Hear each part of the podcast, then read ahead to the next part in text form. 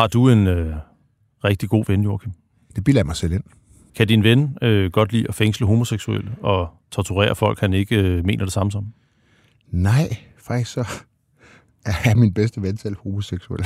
så det tror jeg ikke. Jamen altså, så er han slet ikke som Lars Løkke Rasmussens gode venner.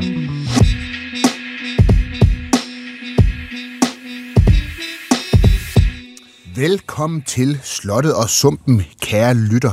I dag der er min gæstemedvært, politisk reporter her på BT, Peter Astrup. Han er jo også forfatter til bogen Den sidste Makarak, som har fået fremragende anmeldelser. Nemlig. Det er slet ikke noget, jeg er tvunget til at sige. Men det er faktisk rigtigt, så den skulle I tage at købe, hvis I har nogle unger derude. Men grunden til, at Peter er her i dag, det er, at øh, AK hun er på skiferie i Norge. Hun slapper af. Øh, og så er vi jo simpelthen så heldige at have Peter med, fordi du er jo en erfaren politisk reporter, både her fra BT, du har været på Ekstrabladet, du har været på 24-7.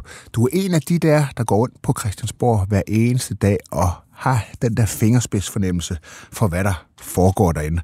Det er en hobby, jeg får penge for. Det er en hobby, du får penge for. Ja. Det er en god måde at beskrive det, at beskrive det på. Øh, og hvis jeg nu spørger dig, Peter, nu har vi jo den her, det er jo lidt særlig situation i dansk politik, det har det været lang tid med den her regering hen over midten. Så nu, nu du går rundt derinde og snuser rundt, banker på politikernes kontor, hvordan fornemmer du så egentlig stemningen på, på borgen i de her tider? Og jeg tror, det kommer enormt meget ind på, hvem man spørger. Men generelt, øh, så er det jo den første forårsdag i dag, og stemningen plejer sådan set at være meget god. Omvendt så øh, er der jo også nogle politikere, der begyndte at preppe til 3. verdenskrig. Det lægger jo lidt en dæmper på situationen. Men jeg vil sige, at den sidste gang, jeg oplevede rigtig dårlig stemning, det var nede på øh, gangen, der hedder nede ved ridebanen, hvor Liberal Alliance og Alternativ sidder. Og det, der, det var da de fandt ud af, at øh, Mike Fonseca skulle have kontor lige ved siden af dem. Der var der altså... Øh, Okay. det ved jeg ikke. Der gik jeg ikke derned et par dage, fordi jeg bare synes kaffen var bitter, og, og, og samtalen var lidt sløj. Ikke? Okay. De er kommet så over det nu, men øh, Ja, okay. Det er jo et arbejdsplads som så mange andre. Ja. Man har kollegaer, man kan lide, og nogen, man måske bryder sig mindre om. Men vi skal i dag undtagelsesvis faktisk ikke tale så meget om Fonseca. Vi skal nemlig tale Inger Støjberg og CO2-afgift. Vi skal også runde Magnus Heunicke, som du har interviewet, Peter. Og så skal vi forbi tilsynet med efterretningstjenester, hvor medlemmerne i denne uge blev, ja, de blev faktisk fyret. Og til sidst, så skal vi også lige runde helt kort noget, som jeg har hørt noget om derinde, nemlig en sikkerhedsskat. Det runder vi meget, meget kort. Lad os kaste os ud i det. Jorgen, vi skal et sted hen, hvor folk har et øh, rigtigt arbejde. Og jeg tror også, jeg vil spørge dig her, øh, hånden på hjertet. Ved du, hvor Svindinge ligger henne? Hvis der er noget, jeg er dårlig til, så er det dansk geografi. Er det en lille jysk by, gætter jeg? Altså, det er faktisk meget godt gættet. Det er, øh, men det er det ikke. Det er en lille sjællandsk by. Okay. Og jeg vil sige, grund til, at jeg ved det, det er også, fordi jeg det jo op i går på Google Maps og tænkte, hvor er det, Inger skal hen? Det er netop Inger Støjberg. Mm-hmm. Hun skal en tur til Svindinge. Først skal hun en tur til Randers. Det ved jeg sådan, det har jeg en fornemmelse af, at vi nogenlunde ved, hvor jeg er henne mm. i hvert fald. Det gør jeg. Øh, det og gør jeg. bagefter skal hun en tur til Svindinge. Og grund til, at hun skal det, det er fordi, at nu skal Inger Støjberg lave såkaldte CO2-rallies. Og det er ikke fordi, at hun er glad for øh, CO2 og klimaafgiften, som det hele handler om. Tværtimod, øh, det er fordi, hun hader den som pesten, tror jeg nok, man kan sige. De er indætte modstandere af den her øh, CO2-afgift, som er sandsynligvis i hvert fald på vej og skal pålægges landbruget. Så Inger Støjberg har tænkt sig at invitere til øh, rallies. Man tænker jo lidt Trump-rallies, øh, måske sådan lidt en, en Wish-udgave af Trump-rallies, hvor man leger en halv ude på landet øh, og kører nogle hotdogs og nogle sodavand og nogle fadøl ud, og så snakker man ellers om, hvor frygteligt øh, sådan en landbrugsafgift er. Jeg vil sige, jeg gik på Google Maps i går for at se den adresse i Svinding, hun skal være på. Og det ligner en af de der gårde, som hvis du kører hen over Sjælland, i virkeligheden måske har set mange gange, men aldrig lægger mærke til. Øh, det er et meget anonymt sted. Øh, Inger siger, at man kommer til at lugte savsmulden. Øh, eller i hvert fald hø og gylde, eller hvad det nu er. Hun siger savsmuld.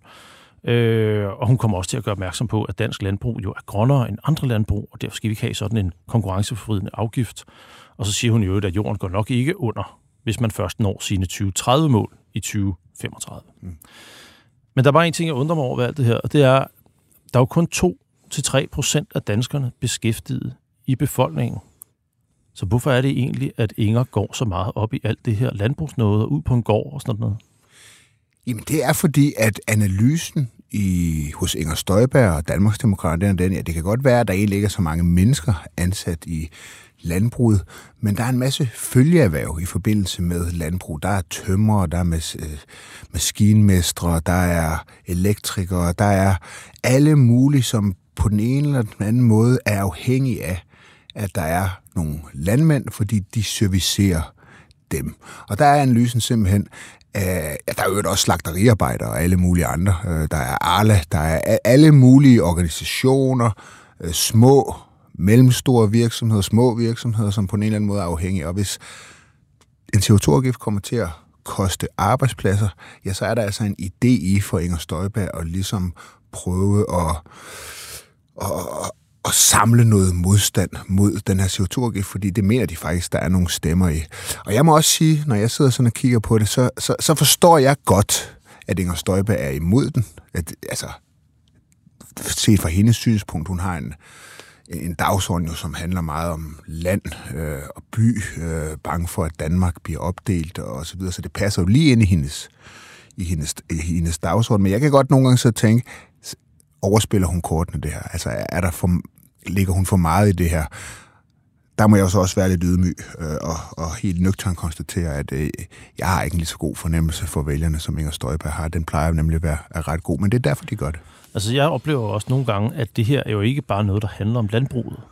Øh, det handler jo også især om, at nu kommer der nogen fra de fine salonger, i det her tilfælde øh, Henrik Svare fra, fra Svareudvalget, og siger, jamen I udleder alle mulige forskellige ting, og nu skal der sættes en stopper for det. Altså en person, der ikke arbejder med landbrug til daglig, er der ikke også en del af Inger Støjbergs vælgerskare, som bare ikke gider mere salonger og fine mennesker med høje uddannelser, der fortæller dem, hvordan de skal gøre deres arbejde. Jo, det tror jeg, du har fuldstændig ret i. Altså, at, at det her, det taler, uanset om man har en tilknytning til landbruget eller ej, så taler det måske ind i en dagsorden, som handler om, at nu kommer der igen noget over fra København, øh, fra eliten i København, øh, dem, der går ind i supermarkedet, og det er det eneste tilhørsforhold, de ligesom har til den virkelige verden, at de kigger ned i en, øh, en, en, en, en, en frysekumme i et supermarked og ser, at der ligger nogle varer. De har ikke rigtig en fornemmelse for, hvad der foregår øh, derude, og, og, og måske berører det slet ikke dem i, i virkeligheden. Så jo, øh, det er sådan en, en anti-elitær fortælling, øh, som Inger Støjberg har fat i, og der tror jeg ikke, man, man, man skal nok heller ikke undervurdere, øh, at hun har en, en god fingerspidsfornemmelse for, for hendes vælgersegment. Altså, jeg ringede jo rundt øh, til, til, det var så Venstres bagland, men altså alle mulige mennesker i Venstres bagland, lokalsformænd og sådan noget, et par timer efter, at den her øh, rapport fra Michael Svarer, jeg kommer til at kalde ham for Henrik før, øh, ligesom er blevet offentliggjort, for at høre, hvad de sagde til det. Mm. Det første om eftermiddagen, jeg fik fat i folk, så sagde at de har ikke fulgt med, for de har været på arbejde. Mm. Og det er jeg slet ikke vant til som politisk journalist. Der kan man ringe til alle mulige professorer og departementchefer og kontorchefer og politikere og sige, at de har altid set, hvad der sker på news. Ikke? Så det var sådan lidt en anden, øh, en anden oplevelse. Mm. Øhm, hvad er det, der er på spil i hele slagsmålet om den her CO2-afgift, som jo egentlig ikke rammer så mange mennesker i virkeligheden, men altså så alligevel mange følgeerhverv? Jamen, det er jo det, der er på spil. Ikke? Altså, det, det, det er jo...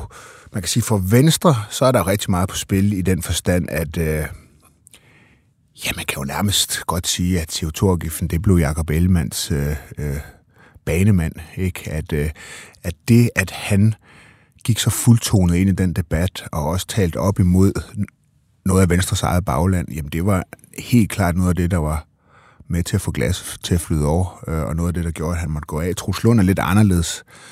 Øh, han har større troværdighed hos de her mennesker, men han går så også fuldtonet ind i den. Så man kan sige, for Venstre er der jo det på spil, at at det kan komme til at koste dem yderligere. Det kan vi jo så tale om, om det overhovedet er muligt, øh, hvor, hvor bunden er, om den måske ikke snart er noget for, for Venstre. Men, men der er jo simpelthen, øh, altså det er kampen om, hvad skal vi kalde det, øh, Venstre vælgere, altså de sådan helt faste støtter af Venstre. Venstres kernebagland, det er jo det, der er kamp om øh, lige nu. Og vi ser jo også, at der er prominente venstrefolk, som er ude og kritisere Venstre tidligere prominente venstrefolk, som er ude og kritisere Venstre for at bakke op om det her. Inden vi gik i gang, der nævnte du noget om, at Inger Støjberg jo gerne vil have et parti, Danmarksdemokraterne, der er regeringsduelige. Ja. Men der kommer hun lidt i problemer her. Ja, altså man kan sige, at Danmarksdemokraterne er jo stiftet øh, øh, også, altså man kan sige, en del af deres grundlag, det har Inger Støjberg jo gjort klart fra starten af, at det skal ikke være et protestparti. Øh, man vil øh, lave aftaler, man vil ikke vælte borgerlige regeringer eller tro med at vælte Man vil sidde med med voksenbordet. Der er også helt klart, der er en ambition om, at man gerne vil med i regering. Men, og her, der kommer man altså ud et eller andet sted, hvor man må jo sige, det er jo selvfølgelig legitimt at være imod et forslag som det her. Det synes jeg ikke diskvalificerer en. Altså, hvis, hvis ideen om at sidde med ved, i går situationstegn, voksenbordet, det betyder, at man skal sige ja til alt, hvad der kommer, jamen så har man jo ikke altså det er jo meningsløst. Altså mm. et parti skal selvfølgelig kunne sige nej. Men det, der er interessant, det er, at hun i et interview med Berlingske bliver spurgt, vil Danmarksdemokrater være med til at føre en borgerlig statsminister til magten, hvis vedkommende vil videreføre en CO2-afgift? Og så svarer Inger Støjber, skal vi ikke lige se, hvad det her ender med? Først og fremmest, mig bekendt er der ikke vedtaget nogen CO2-afgift endnu. Så du vil ikke afvise, at du godt kan støtte, spørger journalisten så Inger Støjberg. Du kan overhovedet konkludere noget som helst ud fra det, jeg siger. Og der, der synes jeg, der er hun jo ude i noget, som man nok normalt vil betegne som en måde, et protestparti formulerer sig på. Altså det her med at skabe en lille smule tvivl om, hvorvidt Inger Støjberg rent faktisk kan pege på en borgerlig statsminister. Så er vi jo sådan ude i sådan, ikke helt derude, men vi nærmer så noget nye borgerlige, før at øh, Pernille Vermund ændrede kurs med at, at sige, jamen så vil jeg ikke pege på Lars Løkke, medmindre han opfylder mine krav. Mm. Og det synes jeg måske, altså det er i hvert fald noget, der gør, at Venstre sidder og siger, og det er jo en forudsætning for en borgerlig regering, at Venstre vender hjem til Blå Blok. Mm. Altså, de får en ammunition, hvor de kan sige, se der, det er det, vi har sagt hele tiden, øh, det er slet ikke muligt at regere med Blå Blok. Nej. Men kan man ikke også godt sige, at det måske man kan godt vente den om, og så sige, at det er en lidt voksen måde at agere på, fordi man kravler ikke helt op i træet. Hvis hun nu havde sagt noget, øh, som for eksempel dengang, hvor Pernille Vermund sagde, at vi vil have de her tre øh, ønsker opfyldt, ellers kan I glemme at pege på, at vi peger på nogen som helst, øh, på, det var på udlændingepolitikken, det er så en klimaafgift, hvor man så siger, du kan ikke konkludere noget som helst. Altså så har hun i virkeligheden ingenting sagt. Det kan, det kan man godt sige, men det, der vil være det normale svar fra et øh, parti inden for en blok, øh, det vil være at sige, der er ikke nogen tvivl om, at vi ønsker en borgerlig regering, og vi vil, vi vil, have, vi vil have borgerlig politik, og vi vil selvfølgelig pege på en borgerlig statsminister. Nu skal vi nemlig til at drive den af med en rigtig det professionel dejligt. på området. Det er simpelthen pauseindslag. Nej, det er det ikke. Øh, BT, eller måske retter jeg i virkeligheden, hen over det sidste stykke tid lavet en historie om øh, miljøminister Magnus Heunicke. Mm. Og grunden til, at, øh, at vi kom derhen, det var, at jeg simpelthen blev kontaktet af en lang række af miljøoverførende. Og jeg synes, det er min oplevelse, at miljøoverfører, de er altså meget optaget af deres område. Jeg synes sagtens, man kan finde kulturordfører, sågar finansordfører, alle mulige, der sidder sådan, og det ved jeg ikke, jeg er lidt kedelig og glad, uglad i dag og sådan noget. Men lige præcis miljøet, det er der altså folk, der bliver udvalgt til.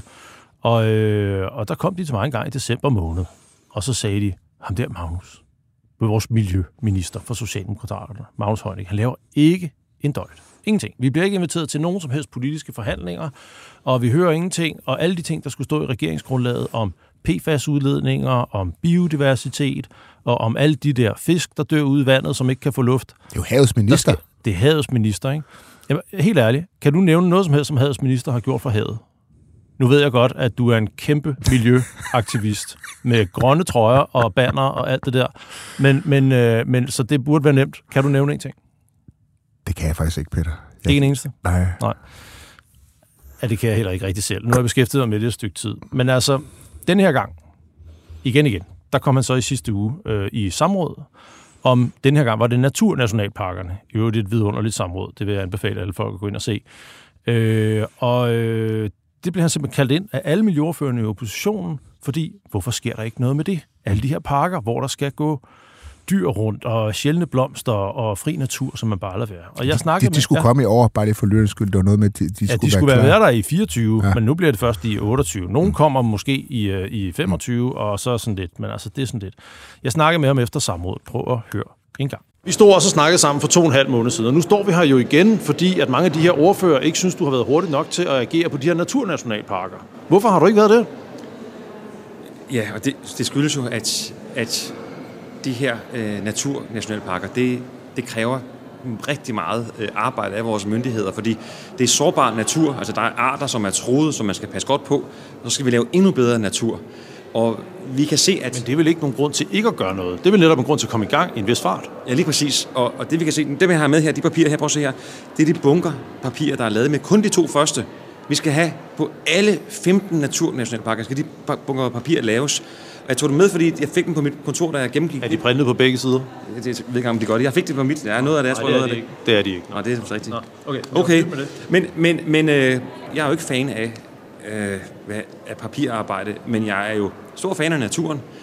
Når fuglene er færdige med at yngle, det er sådan omkring september måned, så starter vi med at putte hegn i, og så kommer der altså dyr sat ud, og så vil vi kunne øh, se de første naturnationalparker. Det er Når fugle er færdige med at yngle, ja. hvorfor kan man ikke bare sætte hegn op, selvom de, de yngler? Jamen, Det er simpelthen fordi, det er jo værdifuld øh, natur, vi har med at gøre her. Det er ikke bare på sådan en, en bar mark. Det er altså nogle af de smukke skove, nogle af de flotte områder. Der er sjældne fugle, troede fugle, der er orkideer. Der, der er altså naturtyper, vi skal passe rigtig godt på, når vi laver god natur til fantastisk natur. Det er sådan noget med, at man skal slukke for drænet, så det bliver sumpe, øh, og øh, der bliver søer ude i skoven, og det- der skal gå store krondyr og, stå, og stude og øh, Galloway kvæg. Sådan nogle ting skal, skal, skal gå derude. Hvordan går det med alle de der fisk der? Vi har jo så meget ildsvind ude i farvandene og den slags, og det var jo netop det, som du skulle indkalde til nogle forhandlinger om. Har du fået gjort det? Ja, øh, altså fisk, når du mener ildsvindsdiskussion. Ildsvind, ja. ja. De døde fisk, der dør iltmangel. De kan ikke trække vejret. Hvordan går det med det? Ja, sagen er nu her, at vi, vi formentlig se en sommer, hvor øh, problemet med for meget kvælstof øh, vil, vil stadig være der. Og, det, Ja. og vi kan også se, at... Men har du indkaldt til forhandlinger? Nej, vi har jo haft øh, forhandlinger i forbindelse med finansloven, hvor vi jo blev, var enige om at, at øh, afsætte en øh, sum på 405 øh, millioner kroner. Du er en handlingsmand. Til september, til, til september måned, så sætter vi hegn op, og så skal der noget Galloway-kvæg ud, og nogle orkideer og sådan noget, og så beskytter vi den danske natur. Altså, Det er efter jeg, fantastisk interview, det her. Ja, det er ret sjovt. Øh, efter jeg havde skrevet om det der i december måned, ikke? eller ikke, jeg havde skrevet en mail til ministeriet, jeg har ikke skrevet nogen artikler nu, jeg havde skrevet en mail til ministeriet om, hvorfor der ikke var blevet indkaldt til politiske forhandlinger i et helt år, altså hele SMV's øh, regerings øh, levetid, så fik jeg jo ikke noget svar. Men 8 timer og 13 minutter efter, så indkaldte Magnus Heunicke til sin første øh, politiske forhandling om nul emissions. Helt tilfældigt. Helt tilfældigt. Ja, ja, de ringede til mig og sagde, det har intet med hende at gøre. Det lover dig. Det er sådan noget, der tager lang tid. Og så sagde jeg, det der, det tror jeg ikke en skid på, øh, hvis jeg skal være helt ærlig. Men det paradoxale, det er jo, at Heunicke er faktisk en af de mest populære ministre. Mm. Hvordan kan det egentlig være? Jamen, det er fordi, altså tror jeg, det er, at, han, er, han, er, han er en virkelig dygtig kommunikator. Måske tænker man ikke det, efter at have hørt det her interview. Men han har sådan en... Øh, altså, jeg synes i, i øvrigt, man, man må rose Magnus Heunicke for at være en minister, der stiller op. Det vil jeg også gerne rose ham for. Også når det er svært. Ja. Og på den måde måske virkelig også et eksempel på, at der er altså ikke nogen modsætning mellem at være populær og faktisk stille op og svare på kritiske spørgsmål. Det er han et bevis på. Afgørende. Men, men, han, har- men han, han har altså et eller andet, hvad skal vi kalde det, noget x-faktor, som nogle, mini- ikke alle ministre har. Altså for eksempel, da han var transportminister, øh, så gjorde han jo ting, som andre ministre er sluppet rigtig dårligt fra. Nogen kan måske huske Morten Østergaard, der overnattede ude i en øh, ghetto. Altså sådan, sådan nogle politiske stunts, Ja. det, det, det var ikke godt for, Ej. for Morten Østergaard. Uha. Hvorimod Magnus Heunicke, han er sådan en, der slipper, han, han kunne slippe afsted med, du ved, at, at lægge ud på sociale medier, hvor meget han brugte øh, offentlig transport, altså hvor, hvor andre, hvor det måske vil komme til at virke påtaget, at en minister gør det, så, så slipper han godt afsted med, han tog også ud og, og overnattede hos en familie, som var øh, plaget af metrobryggeri og andre ting. Og han slipper ligesom godt afsted med det. Altså han har sådan en evne til at øh, lave stunts, politiske stunts som minister, hvor man prøver at komme i øjenhøjde med, med, med vælgerne, og så slippe godt afsted med det. Øh, Jeg har hørt en sige, at... og så, jeg synes ja. ja. også, han har også, han har også noget, han, han, har, han har også noget med, at han bliver sjældent sur. Der er, der er et klip, hvor han bliver det fra en valgkamp i ja. 2011, tror Ja, jeg. det er han ikke blevet på mig. Nej, nej, men han er sådan en, der, der er sådan... Han virker oprigtig, når han prøver at stille sig op og svare på spørgsmål, også selvom han kommer til at se lidt dum ud. Det, det tror jeg egentlig folk, vi godt, man godt griner sådan en interview, men jeg tror også, han får noget kredit for, at man kan se, at manden faktisk forsøger at svare på spørgsmål. Jeg hørte en sige om ham, at øh, han er en, som man gerne vil have med til sin fødselsdag, men han skal helst ikke stå for noget. Nej, Øh. der vil jeg så dog sige, jeg har oplevet ham til øh, Socialdemokratiets øh, kongres, hvor han har skrevet en sang, øh, det var sidste år, mener jeg, i bedste Bertel Hårder-stil skrevet en, en sang om Socialdemokratiet, som indeholdt masser af selvivni, altså virkelig tog gas på Socialdemokratiet selv, og selvfølgelig også på politiske modstandere, og den var virkelig underholdende. Så ja, jeg kan godt øh, følge det her med, at han er sådan en, man gerne vil sidde til bords med ved en fest. Det, det, og hvad er det? Hvad er det, når man har det? Så er, det er jo sådan en anden form for en, en x-faktor, man har. Man, man kan connecte med ham. Han er underholdende, man vil gerne tale med ham. Man er bare en flink fyr. Ja. Vi skal også have skæg og blå briller i den her omgang, faktisk. Og det skal vi jo, som vi også varslede tidligere, fordi at øh, hele tilsynet med efterretningstjenesterne blev smidt på porten i den her uge. Øh, hver en, både formand for, kraftens, formand for kraftens bekæmpelse og landsdommer Michael Kistrup og hvem der ellers sad der. Mm-hmm. Øh, og det er jo fordi, der er kommet en ny aftale. Og det må jeg hellere lige læse højt, altså hvem der er med i den. Det er selvfølgelig regeringen, og så er det SF, Liberal Alliance, Danmarksdemokraterne, Konservative, Enhedslisten, Radikale Venstre, Dansk Folkeparti, der handler om, at vi skal styrke tilsynet med efterretningstjenesterne. Blandt andet skal partierne være med og være repræsenteret i tilsynet i højere grad end nu, også fordi der blandt andet er kommet flere partier i Folketinget. Og så skal man måske også lidt mere direkte kunne, og jeg citerer her, undersøge konkrete sager eller sagsforløb, problemstillinger med videre, en ordning, der er tiltænkt sager, som har principiel eller på anden måde vidtrækkende betydning for den generelle tillid i befolkningen til efterretningstjenesterne. Mm. Det kunne man nok godt smide Samsam-sagen ind under den parole.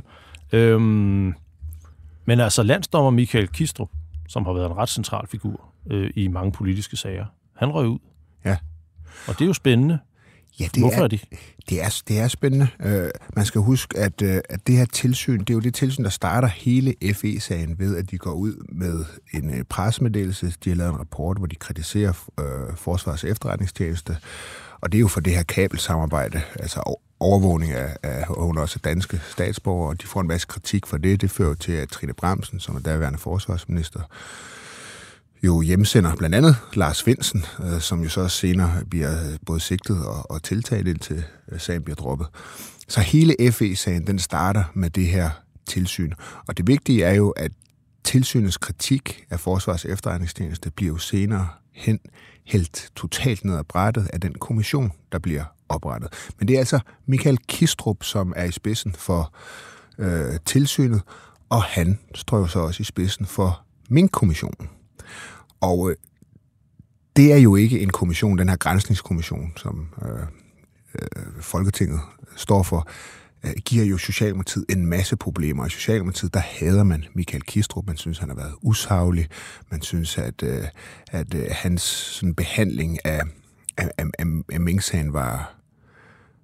Altså, man bryder sig simpelthen ikke om det. Det gav jo Mette Frederiksen blandt andre en hel masse problemer. Så han er ikke en populær mand, og det tror jeg altså også spiller ind, øh, når man ligesom ser... Altså, det, det, man fryder sig lidt. Det er det er noget, man er glad for. Ud med ham. Kistrup, ham kan vi ikke lide i Socialdemokratiet.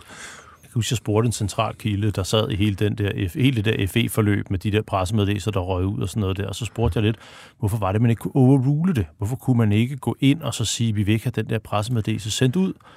Og så øh, sagde vedkommende, har du mødt Michael Kistrup? Mm som i, det kan man bare ikke stille noget op imod. Nej. Det er en unstoppable force, der så, møder et unmovable object, eller hvad det er, man plejer at sige. Ja, og så alligevel, så må man jo så også sige, at dengang, der sagde Kistrup jo, at han, havde, han var ikke blevet kontaktet af forsvarsministeren. Altså, der har ikke været nogen dialog omkring den pressemeddelelse. Der havde man ikke ønsket at blande sig. Og der synes jeg også, man må sige, at det var et eksempel på, at Trine Bremsen, hun øh, håndterede den sag enormt amatøragtigt. Altså enormt amatøragtigt. Øh, men ja, han er sådan en, som, øh, som ikke, altså han har ikke kunne kostes rundt med. Så man, man, man bryder sig virkelig ikke om ham i Socialdemokratiet.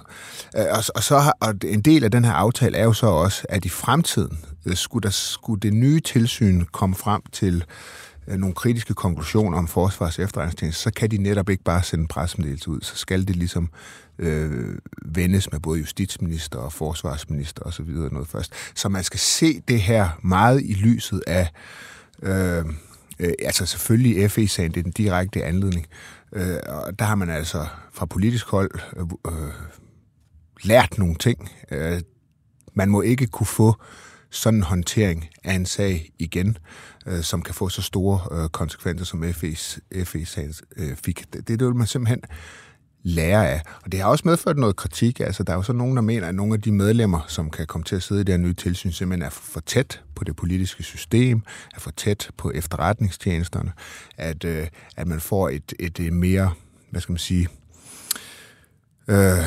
tamt tilsyn, som vil blive underlagt øh, mere politisk kontrol. Ja, for det er måske også det, jeg ville spørge øh, dig om. Det ville jeg spørge enhver politiker om, hvis jeg havde den der. Kan danskerne sove mere trygt om natten med det her nye tilsyn med efterretningstjenester?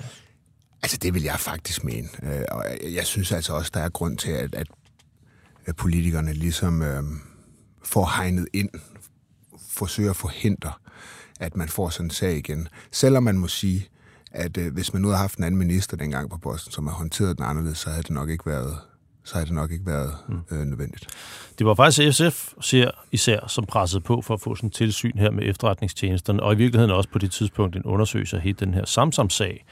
Øh, og det skete jo under noget buller og brag, fordi de rendte for en aftale med resten af oppositionen om at presse regeringen til at sikre, at hele den her FE undersøgelseskommission, der skal undersøge hele FE-sagen og Mette Frederiksens rolle og regeringens rolle i den, skulle jo lægges ind under Folketinget. Det var den aftale, de lavede.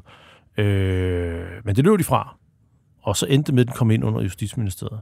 Hvis bare helt kort skal sige her øh, til sidst i det her indslag, hvorfor er det egentlig så vigtigt? For, hvorfor var det så vigtigt for oppositionen, at den kom ind under Folketinget i stedet for Justitsministeriet? Jamen det var fordi, at øh, ligesom at min kommission, som var en grænsningskommission, øh, øh, som tog udgangspunkt fra Folketinget og styret af Folketinget. Øh, man kan sige, man, det var første gang, man gjorde det, og, og fra oppositionsside synes man, det var en kæmpe succes. Det tror jeg jo også, vi synes i, i medierne, fordi forskellen var jo, at i stedet for, at man fik en kommission, som løb over flere år, øh, og som folk mistede interessen for, så gik tingene faktisk meget hurtigt. Mm. Og det viste sig faktisk også, at der meget hurtigt kom ting frem. Det var ikke noget, man synes var sjovt i, i øh, regeringen. Men det var derfor, det var vigtigt, at det var en af grundene til, at det var vigtigt, det var altså fra Folketingets side, at det vil man gerne have igen. Altså en hurtig arbejdende kommission, øh, så man ligesom hurtigt kunne komme til bunds, også komme til bunds inden for en, hvad skal man sige, en tidsramme, hvor der stadigvæk var noget øh, interesse for, for borgernes side. Der kører jo masser af kommissioner stadigvæk rundt omkring, øh, nedsat for mange år siden, som vi overhovedet ikke taler om øh, mere. Og, og, og der må man sige, der var den her nye opfældelse af Grænsningskommissionen. Den, den, den må jeg sige, det, det, det, det, det var en... Jeg synes, man må sige, det var en succes, også ud fra sådan et demokratisk perspektiv, at man fik behandlet sagerne, mens de stadig var relevante. Har SF fået valuta for pengene for at rende for deres aftale? Nej, det synes jeg så ikke, fordi nu, nu står de jo så også ligesom i en situation, hvor at, øh, der er mange andre partier, der er med, øh, og deres øh, øh, hvad skal man sige, opmærksomhed får de jo ikke så meget på det. Men der er ingen tvivl om, at de har fået nogle point hos Mette Frederiksen.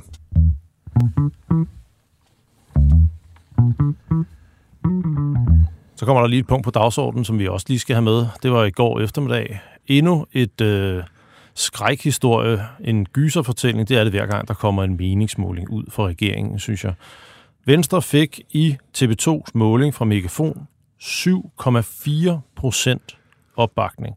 Og hvis man sidder og tænker, om det er meget eller ej, så skal jeg bare lige sige, øh, takket være Hans Redder, politisk redaktør på TV2, at det er den dårligste måling, som Venstre har fået nogensinde hos Megafon, siden de begyndte at måle for TV2 i 1998. Hvis man så tænker, at Socialdemokratiet øh, holder det oppe, så var de røget helt ned på 18,8 procent. Jeg ved ikke, om det er den dårligste måling nogensinde, men det er mame, hvis jeg skal bruge et spændende ord. Ikke den gode ende. Og øh, Moderaterne ligger på 6,2. Det er faktisk en lille smule oppe, men øh, stadigvæk på et betydeligt lavere niveau, end, øh, end øh, da de øh, gik til valg, hvor de fik 9, et eller andet. Var det 9,2, 9,4 eller sådan noget. Det var noget af den retning, tror jeg. Øh, så har den tidligere venstreminister, så jeg, mm-hmm. haft et rigtig spændende citat. Han siger, at de her regeringen og Venstre i virkeligheden selv været udenom. De har nemlig blandet rød grød med fiskesuppe. Og så tænker man, hvad mener han med det? Jo, det er fordi, at det er en helt uspiselig cocktail ligesom SVM-regeringen er. Øh, hvad tænker du, når du ser den måling der? Ja, det er jo virkelig, så er vi nede i nogen, altså et niveau, som altså uacceptabelt, det kan man jo næsten ikke engang bruge. Altså det er så langt for venstre selvforståelse at få en måling langt under 10 procent. Og så er der jo også det ved det, at, at Venstre bliver ved med at sige, jamen øh, bare vent. Lige pludselig så går det op for vælgerne, at vi laver en hel masse fantastisk politik, og så kommer de strømmende tilbage. Og der må man bare sige, det er der altså ikke rigtig meget, der, der, der, der tyder på, at de gør, fordi det her det handler jo nok helt grundlæggende om noget andet, nemlig at Venstre har mistet en hel masse troværdighed ved at træde ind i den her regering. Så man kan sige, at hele grundfortællingen, det, det er den, der er gal. Og så går vælgerne altså ikke så meget op i, om de får en skattelettelse på et par hundrede kroner om måneden en gang om to år øh, eller, eller hvad Venstre nu vil trække frem. Man bliver altså ikke så meget belønnet for, for det, man, man gør. Man bliver belønnet for noget, man vil gøre, og hvis man ikke klart vil sige her, øh, vi skal tilbage til Blå Blok, ja, så bliver man ikke øh, belønnet for det, og man, man bliver straffet for altså, løftebrud. Løftebrud, de river ens troværdighed utrolig hurtigt ned. Jeg må bare sige, hvis du løber op på gul gang op på tredje sal i Folketinget, hvor Venstre jo har mange af deres kontorer, så får man jo en helt anden version, end øh, den, du lige har siddet og fortalt der. Og øh, nu kan jeg for eksempel bare læse højt her, Thorsten Schack Pedersen, som, øh, som jo er deres politiske ordfører, han skriver på Twitter, øh, rolig nu med fem ord i. Forleden blev vi målt til 10,5 procent. Kommentatorkøbing, det er sådan en som dig, Joachim, ja. hæfter sig kun ved de mest skæve målinger. Det gælder også her. Vi har sikret store personskattelettelser. Ah, ja, okay. Ja, jo. Milliarder til velfærd, forsvar, indfriet klimamål og styrket, styrket hashtag DKBIS, altså erhvervslivet. Uh. Det bliver belønnet. Mm. Hvornår? ja, det, det er gode spørgsmål. Hvornår kommer den belønning? Det er det, det, det, det rigtig gode spørgsmål. Altså, jeg synes, talrige venstrepolitikere, jeg har snakket med om det der, de nævner den der belønning som en krukke guld for enden af regnbuen. Mm. Det er som at høre, det er som at høre øh, folk fra kirken for de sidste dages hellige tale om Jesu genkomst. Mm. Det sker. Bare roligt. Mm. Vi har levet på den rigtige måde. Vi har gjort de rigtige ting. Vi har ikke syndet. Vi har leveret, og vi får frelse til sidst. Mm. Men altså, for os andre siger jo bare nej tak. Vi vil ikke snakke mere og lukker døren. Ikke? Mm. Altså, og så synes jeg også noget af det sjove i det her, det er, at når Venstre henviser til en måling på 10,5 procent, som om, den skal vi lige huske. ja, optur. så, så siger det jo lidt om, hvor dyb krisen den ligesom er, ikke? Oh. Altså, for, altså det er parti, der, er, der, der, er ikke mange tider, der er ikke mange tidspunkter i historien, hvor Venstre vil være glad for en måling på 5 procent. Det skal selvfølgelig siges, at, at Venstres ambitionsniveau er jo ikke 30 procent mere, det er heller ikke 20 procent. Det er så noget... Ja, det er 15. 15 procent. Det er det, de har gået sagt. Men, men det er der altså også langt op til nu. Ja. Hvordan kommer de derhen? Jamen altså, det er et langt... Altså, ja, der er kun et langt sejt træk, og det er selvfølgelig klart, når du sidder i regeringen, så nytter det selvfølgelig ikke noget, at du går ud og kritiserer, at du sidder i en regering, du selv er i. Altså, det, det, det kan du ikke tage på dig. Der er ikke andet at gøre, når du sidder i saksen, end det Thorsten Schack gør. Men det er jo ikke det samme som, at det er rigtigt, det han siger, at det kommer til at virke. Altså, for Venstre, jeg kan ikke se andet, der, der handler det om, at de må stå det her igennem.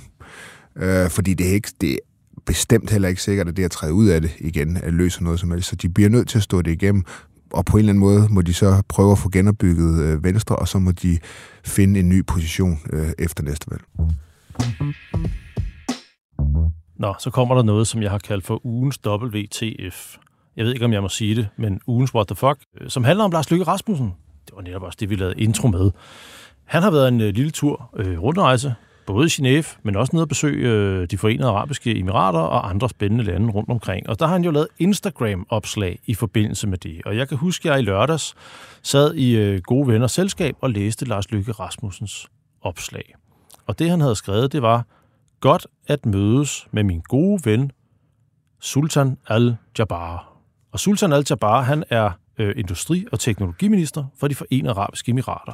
Altså et benhårdt islamisk diktatur, hvor man bliver fængslet for homoseksualitet, og hvor menneskerettighedsorganisationer siger, at politiske modstandere tortureres og forsvinder. Men Lykke, det er hans gode ven. Jeg spørger ham jo også om det faktisk, øh, og vi får et skriftligt svar. Man får faktisk, normalt når man får skriftlige svar, så får man slet ikke noget svar. Men det gjorde vi faktisk her. Og, øh, og øh, Lykke under en mellemlanding formulerede det her citat.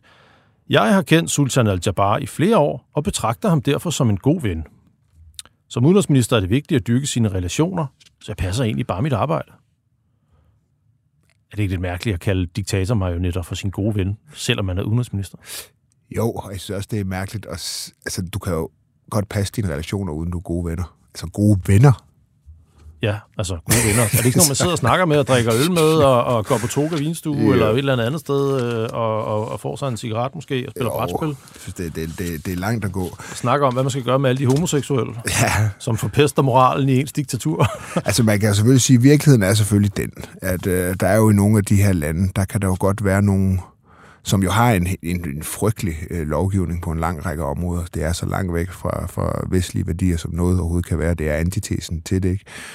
Øh, diplomati kan selvfølgelig godt være kompliceret i den forstand, at man kan vide, at der sidder nogen i de her regimer, ministre og andre, som øh, øh, gerne vil lave reformer, gerne vil, vil ændre øh, samfundet, og det kan de så ikke gå ud og sige, øh, fordi de må arbejde indenfra osv. Jeg skal ikke kunne sige, om sultanen han er en af den typer. Det kender jeg ham ikke nok til. Jeg tror, han hedder Sultan. Han er ikke rigtig Nå, okay. sultan. Han er bare minister. okay, jeg troede, troede du var Jamen, jeg er med på, det forvirrer. Ja, Ja, ja. Det er forvirrende. men jeg skal ikke kunne sige om den her minister, om sultan. Han, han er sådan en. Men, men, men, øh, men det er selvfølgelig det, der måske kan være en, en, en, en forklaring. Men jeg forstår det ikke. Altså, jeg forstår ikke, når du, at du kommunikerer på den måde, fordi han må da vide, at når, når, når, når, når vælgere i Danmark, og det er trods alt dem, der skal bringe... Øh, Lykke er jo også chefingeniør bag Koranloven. Og der var der jo også nogle af Danmarksdemokraterne, der sagde, Nå ja, no wonder med de venner der. Ja. Så kan det da godt være, at vi skal beskytte nogle øh, religiøse skrifter. præcis, men altså, det er også, jeg forstår ikke helt behovet for at kommunikere øh, lige på den måde med tanke på, at, øh, at det er nok ikke noget, danske vælgere synes er helt vildt fantastisk, at man kalder sådan nogle folk for gode venner. Nej.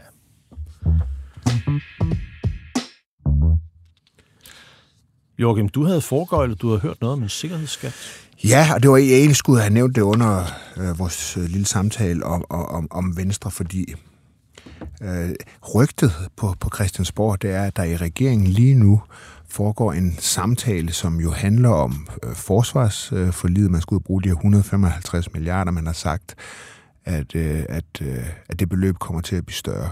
Og der skulle der være nogen i regeringen, der har foreslået en sikkerhedsskat. Altså simpelthen for at, at få krævet nogle penge ind til forsvaret. Og, og, og Hvorfor er det, man ikke bare kalder det en forsvarsskat? det skal jeg ikke kunne sige, men øh, det her med at give en skat et navn, det er jo det er sådan en slags spin, ikke? hvor man ligesom siger, øh, om den her skat skal gå til noget helt særligt, og så, så skulle det være nemmere at få folk med på den. Det er noget, man gør i Socialdemokratiet. Så pointen her, det er, at der altså i regeringen lige nu er en samtale om der skulle indføre sådan en skat. Det er ikke sikkert, at det kommer til at ske. Det er noget, Venstre er meget imod. Men det taler ligesom ind i øh, Venstres fortælling om, at øh, man er gået ind i regeringen, og det handler også om at forhindre nogle ting. Øh, men det er altså en diskussion, der, der pågår øh, øh, lige nu. Det er da en hård snak for Venstre, det der med 7,4 procent opbakning, og så sidder de og siger, at de har sikret store skattelettelser, som er hvad, 200 kroner om fire år eller sådan noget. Ja. Ja, ja. Og nu kommer ja. der en sikkerhedsskat. Ja, det, det, det ved vi jo ikke, om der gør, men det er i hvert fald noget, som, øh, som øh, der bliver diskuteret. Fordi at trods de her store overskud på de offentlige finanser og så videre, det store råderum, så bruger politikerne også rigtig, rigtig mange penge, øh, særligt på forsvar. Det synes jeg personligt er godt og rigtigt, at de gør. Men, øh, men det betyder altså også, at, øh, at de kan komme i, i, i, i beknep. Jørgen, det var det, vi havde på programmet i dag. Det var og det. det Tak var, for dejligt selskab. Ja, og bestemt lige over, Peter. Det var godt, du kunne være med, og vi vender tilbage i næste uge, både med interview og med den her udgave af Slot og Sol.